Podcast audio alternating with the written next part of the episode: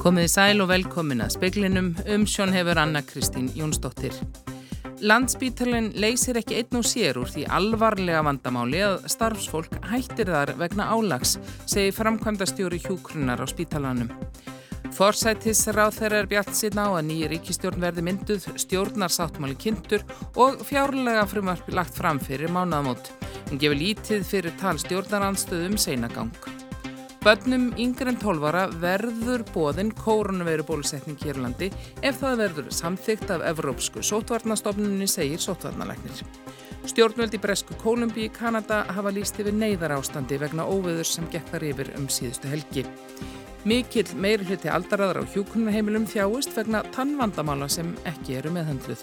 Og leyendum hefur fækkað, leigan helst nokkuð stöðu í fyrra en hún hefur hækkað síðustu mánuði og í speklinum verður rætt um húsnæðismarkaðin. Framkvæmdastjóri hjúkrunar á landspítala segir mjög alvarlegt að fólk segi upp störfum á spítalan vegna álags en það sé ekki vandamál sem spítalin leysi einn og sér. Hjúkrunarfræðingar í samtals 5 stöðugildum hafa sagt upp á bráðamóttöku spítalans síðustu tvo sólaringa. Rífilega helmingur hjúkunarfræðing á landinu starfar á landspítala. Sýriur Gunnarsdóttir Frankvendastjóri hjúkunar á spítalanum segir fleiri þurfað koma málum en spítalinn sé ekki samkeppnisæfur og það sé einn rót vandans. Og svo eru við að sinna kannski veikustu skjólstöðingunum og, og viðvarandi mikið álag þannig að, að það náttúrulega rýri líka okkar samkeppnisstöðu. Sýriur segir að starfsfólk vandi á margar deildir á spítalanum byrtingamyndin er í raun og veru á bráðamótökunni þó að vandamálið sé kannski annar staðar að það er að við höfum bara ekki nægileg úrræði til þess að mæta þjónustu þörf samfélagsins uh, og það, það þarf að byggja það upp víða annar staðar heldur en á landsbítalunum til þess að tryggja sjúklingum þjónustu á réttu þjónustu stíi. Hlutavandans meir ekki til þess að einn bráðamótöka þjóni stóru svæði og það skapi mikið álag.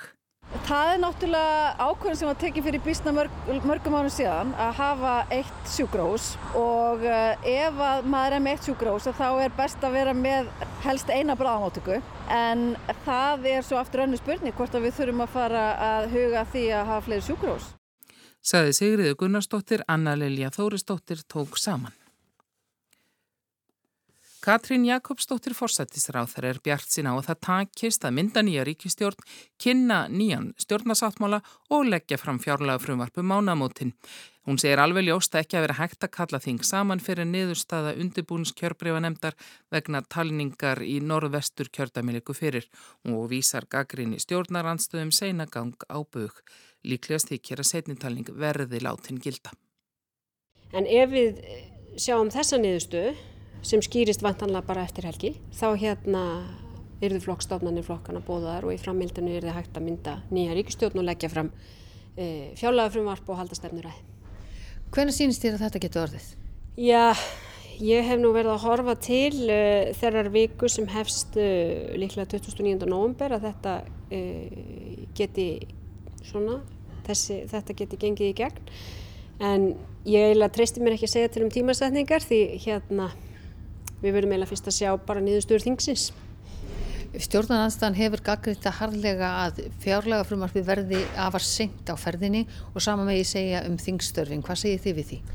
Já, það eru þetta svo að við erum öll uh, undir sömu sögseld hvað það varðar að það er ekki hægt í raun og veru að setja þing fyrir en niðurstaða kjörbríðanemndar líkur fyrir. Erstu bjart sína á að þið getið myndað þessa ríkistjórn fyrir mánaðamótin eða um mánaðamótin? Já, ég er bara mjög bjart sína á það sagði Katrín Jakobsdóttir, Jóhanna Vigdis Hjaltadóttir talaði við hana. Forstjórar ríkistofnana veit ekki enn hvaða stakkur þeim verður sniðin í fjárlega frumvarpinu.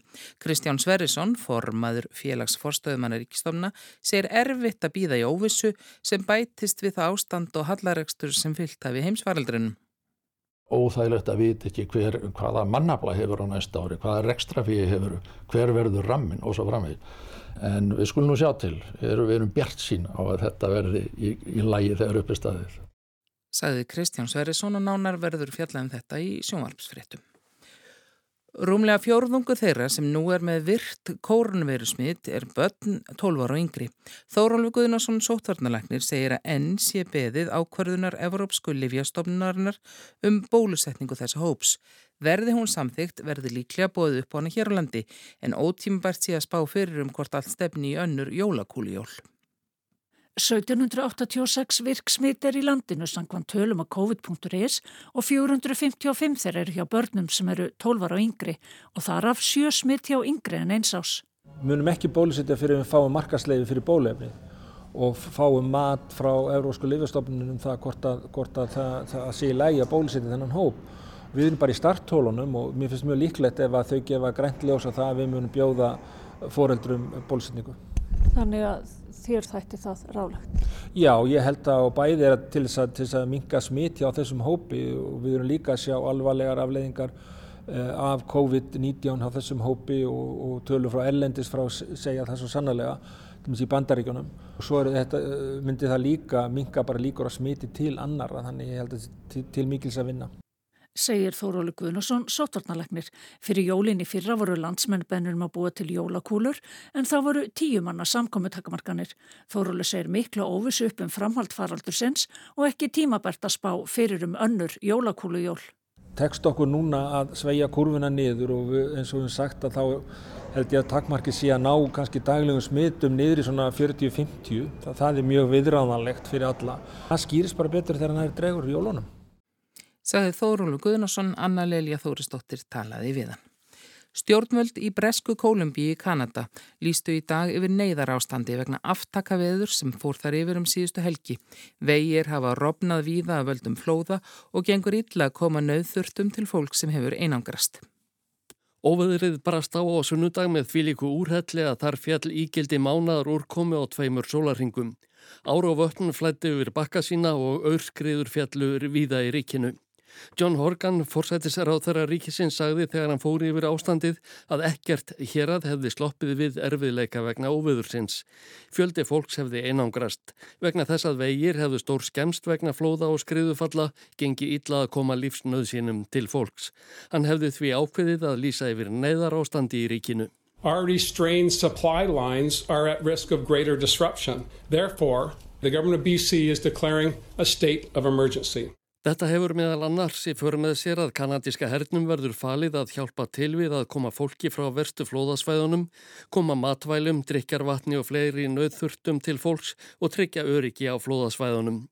Til að allt gangi sem best kann að verða sett á ferðabann á sumum stöðum í ríkinu. Þá er því bent til íbúana að hamstra ekki matvæli eða aðrar nöðsynja vörur.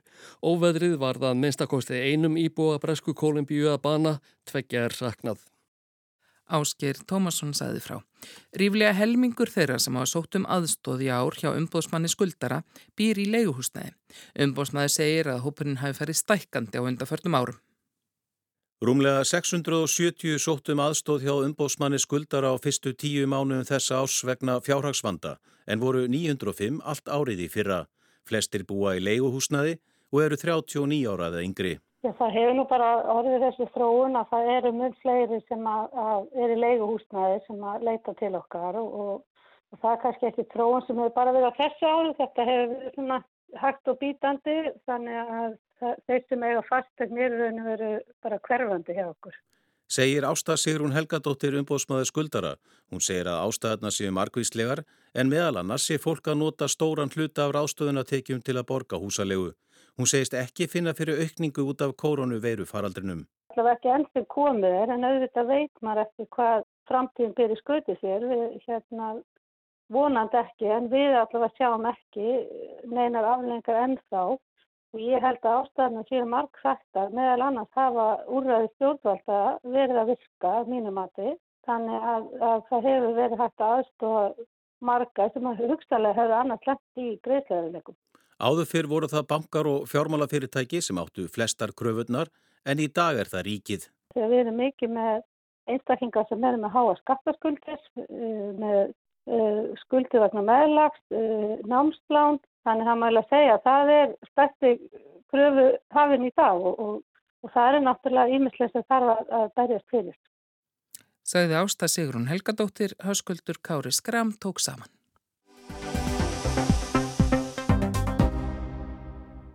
Leyendum hefur fækkað nokkuð. Húsalega lækkaði í fyrra og framöftir ári en fer nú hækkandi. Ungt fólk á aldrinum 18 til 24 ára hefur í nokkrum mæli snúið aftur í foreldrahús þó svo að í haust hafi sérst nokkur merkið þess að það sé að flytja aftur að heiman.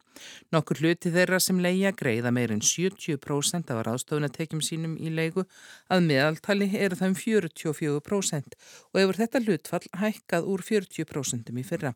Og þetta er meðal þess sem kemur fram í árlegri greiningu húsnæðis og mannverkjastofnunar á stöðunni á legumarkaði. En það sem við erum búin að sjá kannski helst núna er að í kjölfarið á COVID að þá hefur legumarkaðin svo hlutfalslega mingað.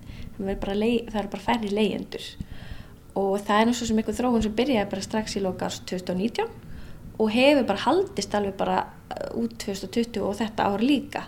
Það eru bara færri leyendur og hérna, við hefum líka séð að að frambóðið það jógst tölvert í fyrra og það má kannski reykja til þess að það var mikið Airbnb íbúðum sem fóru inn á leikumarkaðin og, og þá jógst frambóðið og, og, og það var svona meira öryggi á leikumarkaðinum og sama tíma var líka leikuverð bara að vara að læka sem við hefum bara ekki, ekki séð áður. Þannig að ég held að það veri mjög gott svona, til dæla gott ástand á leikumarkaðinum í fyrra og svona framann á ári núna og hérna nema, fyrir ekki, að hérna, þetta kemur kannski mest, vest niður á, eitthvað sem er, COVID-faraldurinn hefur kannski samt komið vest niður á búsötu ungsfólks og við erum að sjá að, að það er svona vesta ástandi hjá þeim og þeir hafa verið að fara af leikumarkaði og inn í fúrildrahús og það er þarna aldurinn kannski 18 til 24 ára sem við erum að sjá fara af leikumarkaði segir Karlota Haldurstóttir hagfræðingur hjá stopnunni. Hún segir að það hef ekki verið svo að erlendir starfsmenn hafi horfið úr landi og fækkun á leikumarkaði megi rekja til þess. Það var nefnilega alveg merkilega lítið brottfall og, og það er bara því að þetta var náttúrulega heimsvaraldur þannig að það var ekkert endilega betra ástand í heimalandinu heldur en hér. Þannig að við vorum að sjá bara merkilega lítið og, og líka núna vorum við að koma að fá tölur um fólksfjölda og það var bara miklu meiri fólksfjölgun inn í landi heldur en búist á við bara núna á fyrstu ársjónungum á þessa árs. Þannig að það munur ekki að koma það ennþá meiri eftirspurð núna eftir leigu íbúðum því þetta er svona fólk sem er helst á leigumarkaði. En þú nefnir það að ungt fólk hefði flutt aftur í fóraldrús við veitum eitthvað um hver eru já, hlutfarstölu í því hversu margir eru ennþá búa í fóraldrahúsum á þessum aldri? Já, á þessum aldri sko, þetta var allavega svona cirka 15% fækkun í þessum hópi sem fór af leikumarkaði og yfir í fóröldrahús og hérna þannig að það var svolítið mikil aukning þar. Og svo sáum við öllum öðrum aldurshópum að þá vorum við að sjá aukningu í eigin húsnæði. En, það, en enga aukningu í þessum aldurshópi í eigin húsnæði. Þannig að það var svolítið ljósta hérna að aðrir aldurshópar þeir voru að kaupa sér húsnæði en kannski þessi hópur fór svolítið mikið aftur í heimahús. En svo er, við gerum náttúrulega fleiri svona minnikannanir og við vorum að fá bara glæningögg bara úr septemberkonnunni hjá okkur. Og þar erum við að sjá kannski svona örlítla breytingu þó að við séum kannski ekki alveg marktækt ennþá. En þá erum við að sjá aftur fækkun í fúrildráðsum þannig að það er kannski eitthvað sem er alveg glænýtt er að gerast núna, þú veist þetta erum við að tala um kannski bara í fyrra og framann að þessu ári en þá erum við kannski að tala um að fleiri hefði náða köpsrýbúð og það er að við sjáum aftur kannski smá fækkun í fólkdrásu. Sæðlabankin hefur greipið til aðgerða til að hemja fastegnamarkaðin sem hefur verið á miklu flugi. Sæðlabankastjóri hefur talað um að það þurfa að jarðtengja markaðin og settar hafi verið reglur um hámark greiðslubyrði af ráðstöfunatekjum, það er 35% eða 40% fyrir fyrstukaupendur, sett þak á veðsetningarhlutfall og í gær voru stýrivextir hækkaðir í 2%. Frá því að vextir tóka hækka í vor hefur verið mikil sókn í fasta vexti og í síðustu mánaðaskíslu húsnæðis og mannvirkjastofnar um fastegnamarkaðin kom fram 47% aukning á hreinum nýjum óverðtryggðum lánum sem bera fasta vexti millimánaða. Þetta er sagt endur spekla væntingar fólk sem að vextir haldi áfram að hækka næstu þrjú árin. Kaupsamningum fjölgaði lítilega í september frá því ágúst og eftirspurnin er áfram mjög mikil. Það er náttúrulega alveg ótt að segja það að það sé búið að vera mikið fjör á fasteinamarkaði og við sjáum í rauninni ekkert lát á þessum eftirspurna þrýstingi. Það er bara vilja allir vera að kaupa sér íbú núna, kjör eru ennþá tiltúrlega hagstæð þó að Sælabankin hafi nú stíðið svolítið harkala bremsuna í gær. Þannig ég hugsa að mögulega fá fyrir við núna á næstu mánuðum að sjá kannski áhrifin af því hvort að muni slá aðeins á þess að eftirspurna þrýsting. En það sem stendur á er náttúrulega bara frambúða íbúðum og það er bara heldur áfram að lækka og við erum náttúrulega bara ekkert að ná annað þessu og tekum náttúrulega tíma að byggja íbúðir þannig að, og við erum að fara að sjá smá frambóðskort líka á leikumarkarum þannig að það er heldur bara heilt yfir svolítið svona skortur á húsnæði. Og Þú átt vona því að, að leigan hækki á næstu mánu? Já, við erum náttúrulega búin að sjá bara mjög stöðugt leiguverð bara alveg frá upp að árs 2019, lúka árs 2018 bara verið mjög stöðugt. En svona frá því vor þá erum við að sjá ístöluna leiguverðs hækka örlítið og, hérna, og við sjáum hann svona kannski senstu mánu að hækka hraðar og það er náttúrulega bara merki um að þessi ekki eftirspurn og, og hérna, sérstaklega kannski með tilkomið að bara fleiri íbúar og að, hérna, þá erum við kannski að fara að sjá leiguverðið hækka núna í kjölfarið. En hverjir eru leigusalarnir? Það er meðal þess sem skoðið er í þessari áruvísu könnun. Kemur óvart að, að það er alveg langstæstu hluti sem er hérna tæmla helmingur sem að leigir af uh, einstaklinga á almennumarkaði Þannig að það er kannski bara fólk sem er að leiði út eina eða nokkra rýbúðir og það er alveg hérna, já, tæpla helmingur. Og, og svo erum við að sjá að líka fólk, mikið af fólki sem leiðir af ættingum og vinum uh, og svo hérna kemur líka að leigufélagin. Hvert er hlutfall þeirra? Við erum að sjá þessi kannski svona 15% sem er að leiða af þessum leigufélagum. Þannig að það er ekki, ekki, ekki ennþá mjög stort hlutfall. Og er það þá bæði já, fastegna félög og legufélög eins og Bjarg til dæmis sem að koma að fóta verkefliðsæfingunum? Já, það er einmitt. Það, við mælum bæði þarna óhagnadrifnu legufélögin og svo þessi engareknu og við erum að sjá eitthvað 10% sem eru í engareknum legufélögunum og svo kannski eitthvað ekki ringu 5% sem eru í óhagnadrifnu. Þó þú lýsið það hefur verið svona tiltölu mikil stöðuleiki á þessum markaðundafæri þá kannast nú flestir við það að að það sé nú ekki mjög tryggt að vera í leiguhúsnæði og, og það sé erfitt að sjá fram úr því og menn, menn fara ekki inn í það nema nöð beigðir. Nei, það er hár rétt og það er alltaf alveg ágætilega hátt hlutfall í þessum konunum hjá okkur sem að segist vera á leigumarka af nöðusinn. En við sáum hins vegar núna á milli kannana hjá okkur eða milli ára að var örlítil aukning hjá sko, þeir sem að kjósa að vera á leigumarkaði. En samt sem áður, þetta er ekki hátt hlutfall, við erum að sjá að þetta fóru 9% um í 12% sem þýðir að það er 88%, 88 sem að myndi frekar kjósa að vera í eigin húsnæði. Það er alveg vissulega margir álegumarkaði sem myndi frekar kjósa að eiga sitt eigið. En í þessar umræðu og, og það sem að sjálfsegnar stefnar ríkir þá er menn auðvitað ofta að tala um það hvert er hlutfallið af tekjum fólk sem það ver í húsnæðið og, og nú er nú Sæðlabankin og bankanir þeir eiginlega setja þak á það hvað fólk getur farið langt með greiðslubyrðuna. Hver er staðan hjá leyendum? Já, hún getur náttúrulega oft verið ansið slæm hjá leyendum og, og við mælum einmitt að það er, hvað er, ég held að það er að sett uh, 35% sem mættir setja í húsnæðislán og það er oft tölvert meira heldur en það á leikumarkaðnum. En þá kannski gleymist að taka inn í að það fylgir náttúrulega ímist annar fjármarskostnaður að eiga húsnæði. Veist, það er náttúrulega tryggingar og fastirnarskattur og ímislegt sem fellir til þannig að það er kannski ekki alveg bara þessi 35%. En jú, þetta fer bara oft hátt í 70, ekki oft, en það er eitthvað hlutvall sem fer bara mjög hátt af ráðstöðuntekjunum. Er það stórhópur sem er komin í þessa tölu 70% af tekjum? Nei, ég held að það er nú ekki stórhópur, en það er alltaf eitthvað hlutvall.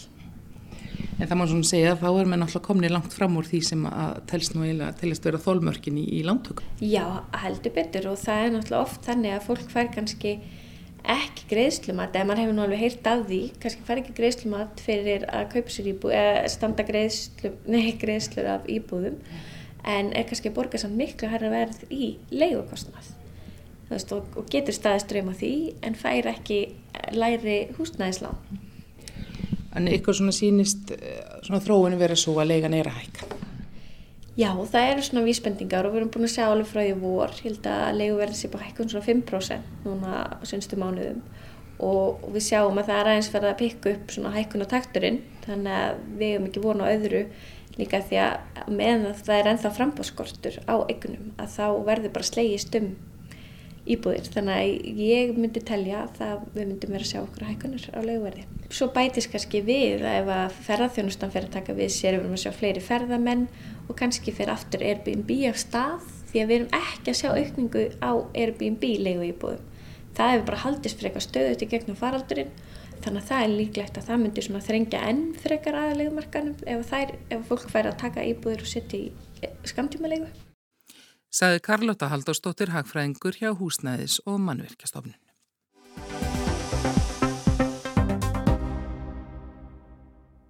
Rannsók sínir að mikill meiri hluti aldraðra á hjókrunheimilum þjáist vegna ómeðhöndlaðra tannvandamála. Aðgengi að tannlækna þjónustu er takmarkaðar þrátt fyrir fulla greiðslu þáttöku hins ofinbera. Starfsfólk heimiluna skortir þekkingu og búnað til að sinna daglegri tannhyrðu svo vel sé. Vandamálið ábar eftir að stækka því að sífelt fleiri halda sínum tönnum og þær krefjast flóknari umönunar en falskar. Sögurnar sem tannlæknar segja af tannhilsu aldraðra á hjúkrunarheimilum eru ekki fallegar þeir tannlagnar sem hafa farið hafa oft komið tilbaka í svona eh, hálgerðu áfalli yfir að hafa séð einmitt fólk sem hefur bara virkilega þurft á meðferð að halda. Segir Eva Guðrún Sveinsdóttir tannlæknir. Fagfólk þekkir mörg dæmi um fólk sem fórin á hjógrunarheimili með góðar tennur en þegar þanga var komið rundi tannhelsan fljótlega. Hólfríður Guðmundsdóttir tannlæknir hjá Embæti landlæknis segir að tennundar skemmist oft rætt þegar fólk hættir að geta hugsað um þær sjálft því miður. Þá held ég að fólk sé verkjað, það sveppa sig ekki í gangi og, og mikið skemmt að tennur. Aðalheiður Svanna Sigurðardóttir, doktorsnemi í tannsmíði, varð árum saman vörfi sömu vandamálinn hjá íbúum hjúgrunarheimila sem komi á stofuna til hennar. Þetta var kveikjana því að hún ákvaða að taka tannhelsu þessa hóps fyrir í doktorsrannsóksinni. Okkur vantaði alveg rannsóknir á þessu sviði. Aðalheiður gerði árin 2014 og 2018 klíníska rannsókn á íbúum tveggja hjúgrunarheimila á höfuborgarsæðinu, þá einu sem gerð hefur verið hérlendis. Í ljós kom að tannhelsa aldraðara var skert, sérstaklega þeirra sem höfðu tapað tönnum. Þá var mikil meðferðarþörf en tæplega 80% þeirra sem aðalheiður skoðaði hefðu þurft að fara til tannlægnis. Og annarkottlata rífa tennur, eða lagatennur eða jafnvel bara skoða með röngumyndum og fleiri að því það var ekki hægt að staðfesta hvað væri reynum við lað. Rannsókn aðalheðar fegrar stöðuna líklega því hún náði engungu til frískasta fólksins á heimilinu. Það voru skilir fyrir þáttuga í rannsókninni að þú þurftir að koma til okkar í skoðunina og þú þurftir að vera færum að svara spurningalista og það get ekki allir. Hún tók því ekki til fólks með heilabilun sem er megin þorri íbúa heimilina og erlendar rannsóknir hafa sínt að hjá þeim hópi er tannheilsan lang verst og erfitt fyrir starfsfólka sinneni. Fólk vill ekki opna munnin, býtur jafnvel frá sér eða slær. En oft hegðun og vandamál geta tengst slamri tannheilsu af því þá fólk ófart um að gera sig grein fyrir því hvað er að valda, valda sársug og ymslum og þar leðandi verður það sínir þessi mótrúa. Starfsfólki finnst auðveldar að þrýfa lausar tennur. Það getur farið með þær afsýðus og burstað en það er erfiðar að fá fólk til að gapa á meðan rótfastar tennur eru burstaðar.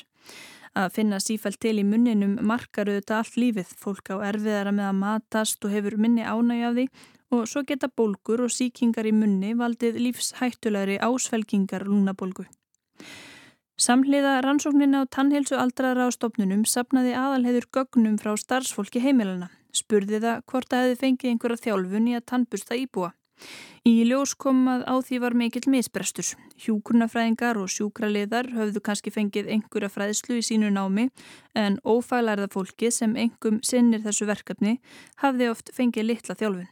Síðan eru líka vandamál sem við veitum að er að blasa bara við starfsfólki að þessi þjónustari vera mjög flókin. Fólk heldur tannunum sem lengur sem þýðir það þú ert með krónur og brýr sem þarfnast jafnvel sérstrekkara þrifa og það er kannski ekki á hendi ófaglar starfsmanns að takast á við það starf heldur þarfan stuðning. Álag og undirmönnun eru þekkt vandamál á hjógrunarheimilum og oft þarf starfsfólk að hafa hraðar hendur. Rannsóknir sína að tannburstun er sá liður í umönnun sem fólk sleppir einna oftast ef tímin er knappur og þegar tennur eru burstaðar segir aðalhegur vísbendingar um að það sé gert með hraði. Í stað þess að bursta tennurnar í tvær mínútur tvísar á dag sem er hinn gullni staðall að mati tannlækna er það yfirleitt bara gert einu sinni og burstaði í 16 sekundur í senn. Við vitum það að 16 sekundur dög ekki til að reynsa munnin og allra síst þegar reynsaðan hjá öðrum. Við þetta bætið svo að ólíkt til dæmis grísjum og blegjum sem hjúgrunarheimilin skaffa Er það að sögn aðalheiðar á ábyrð íbúa eða aðstandenda þeirra að það sé til tangkrem, tannbursti og önnur áhöld eða efni til að reynsa tennurnar? Í þessari ansóknum með starfsfólks að þegar var sérstaklega spurt um það hvaða efni notar þú til að reynsa tennur íbúa þá var svarið vatn. Og þá veldi maður fyrir síðan, þú veist, það er lítið forvarnagildi, þú ert með eigin tennur úr gamalsaldri og þarf það að láta busta þig, þá er ekki mikið forvarnagildi í vatninu einu sér það væri meira og betra fornagild að nota flúortangar. Í kröfulýsingu fyrir hjúknarheimili er ákvæði um að tryggja skuli aðgangins aldraða að tannlækna þjónustu og mælt með því að heimilin seti sér sín eigin viðmið. Aðalheiður segir þessi viðmið óskýr. Þegar ég tala við þá sem eru stjórna þá getur ég að fara eftir því hvað viðkomandi finnst tannhelsa skipta miklu máli hversu miklu áherslu er lögða það í þjónustunni. En ég er að segja það, veist, það væri klálega best ef það væri einhvers konar staðlar eða við getum haft miskust ykkur lámas viðmið og við þurfum að, að hjálpa starfsfólki að takast á við þetta starf. Þetta er ekki létt starf. Að byrja við kannski bara á því að saminstum að búa til verklag. Þá getum við kannski bara að prenta út spjald sem er hægt að plasta og setja inn hjá hennum haldraða. Jón er með tannplanta, hann þarf sérstök þrif, þau eru svona svona, hann þarf líka eftirlit og þá gerum við þetta, þannig að það sé verklag. Hún segir að tækifæri geti leið í aukinni þverfaglegri samvinnu millir tannlækna, hjúkurnafræðinga, sjúkraliða og ófaglars starfsfólks.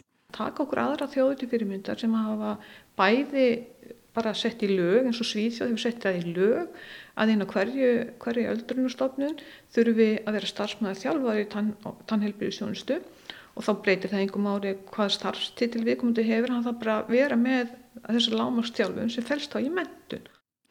Trátt fyrir að fólk sé komið inn á stopnun þarf það ekki síður á reglulegri þjónustu tannlækna að halda og það verðist misbrestur á því að aldraðir farið til tannlæknis þrátt fyrir að almenn tannlækna þjónusta við aldraða á stopnunum megi að vera niðurgriðtað fullu.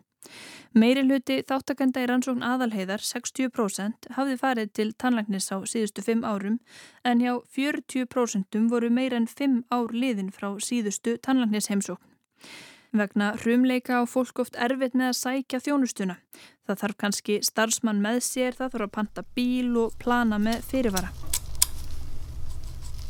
Góðu fréttinar eru þær að fólk heldur tönnunum sínum lengur. Tölur landlæknis embættisins sína að árið 2000 var einn af hverjum fimm á aldrinum 65 til 79 ára en með eigin tennur.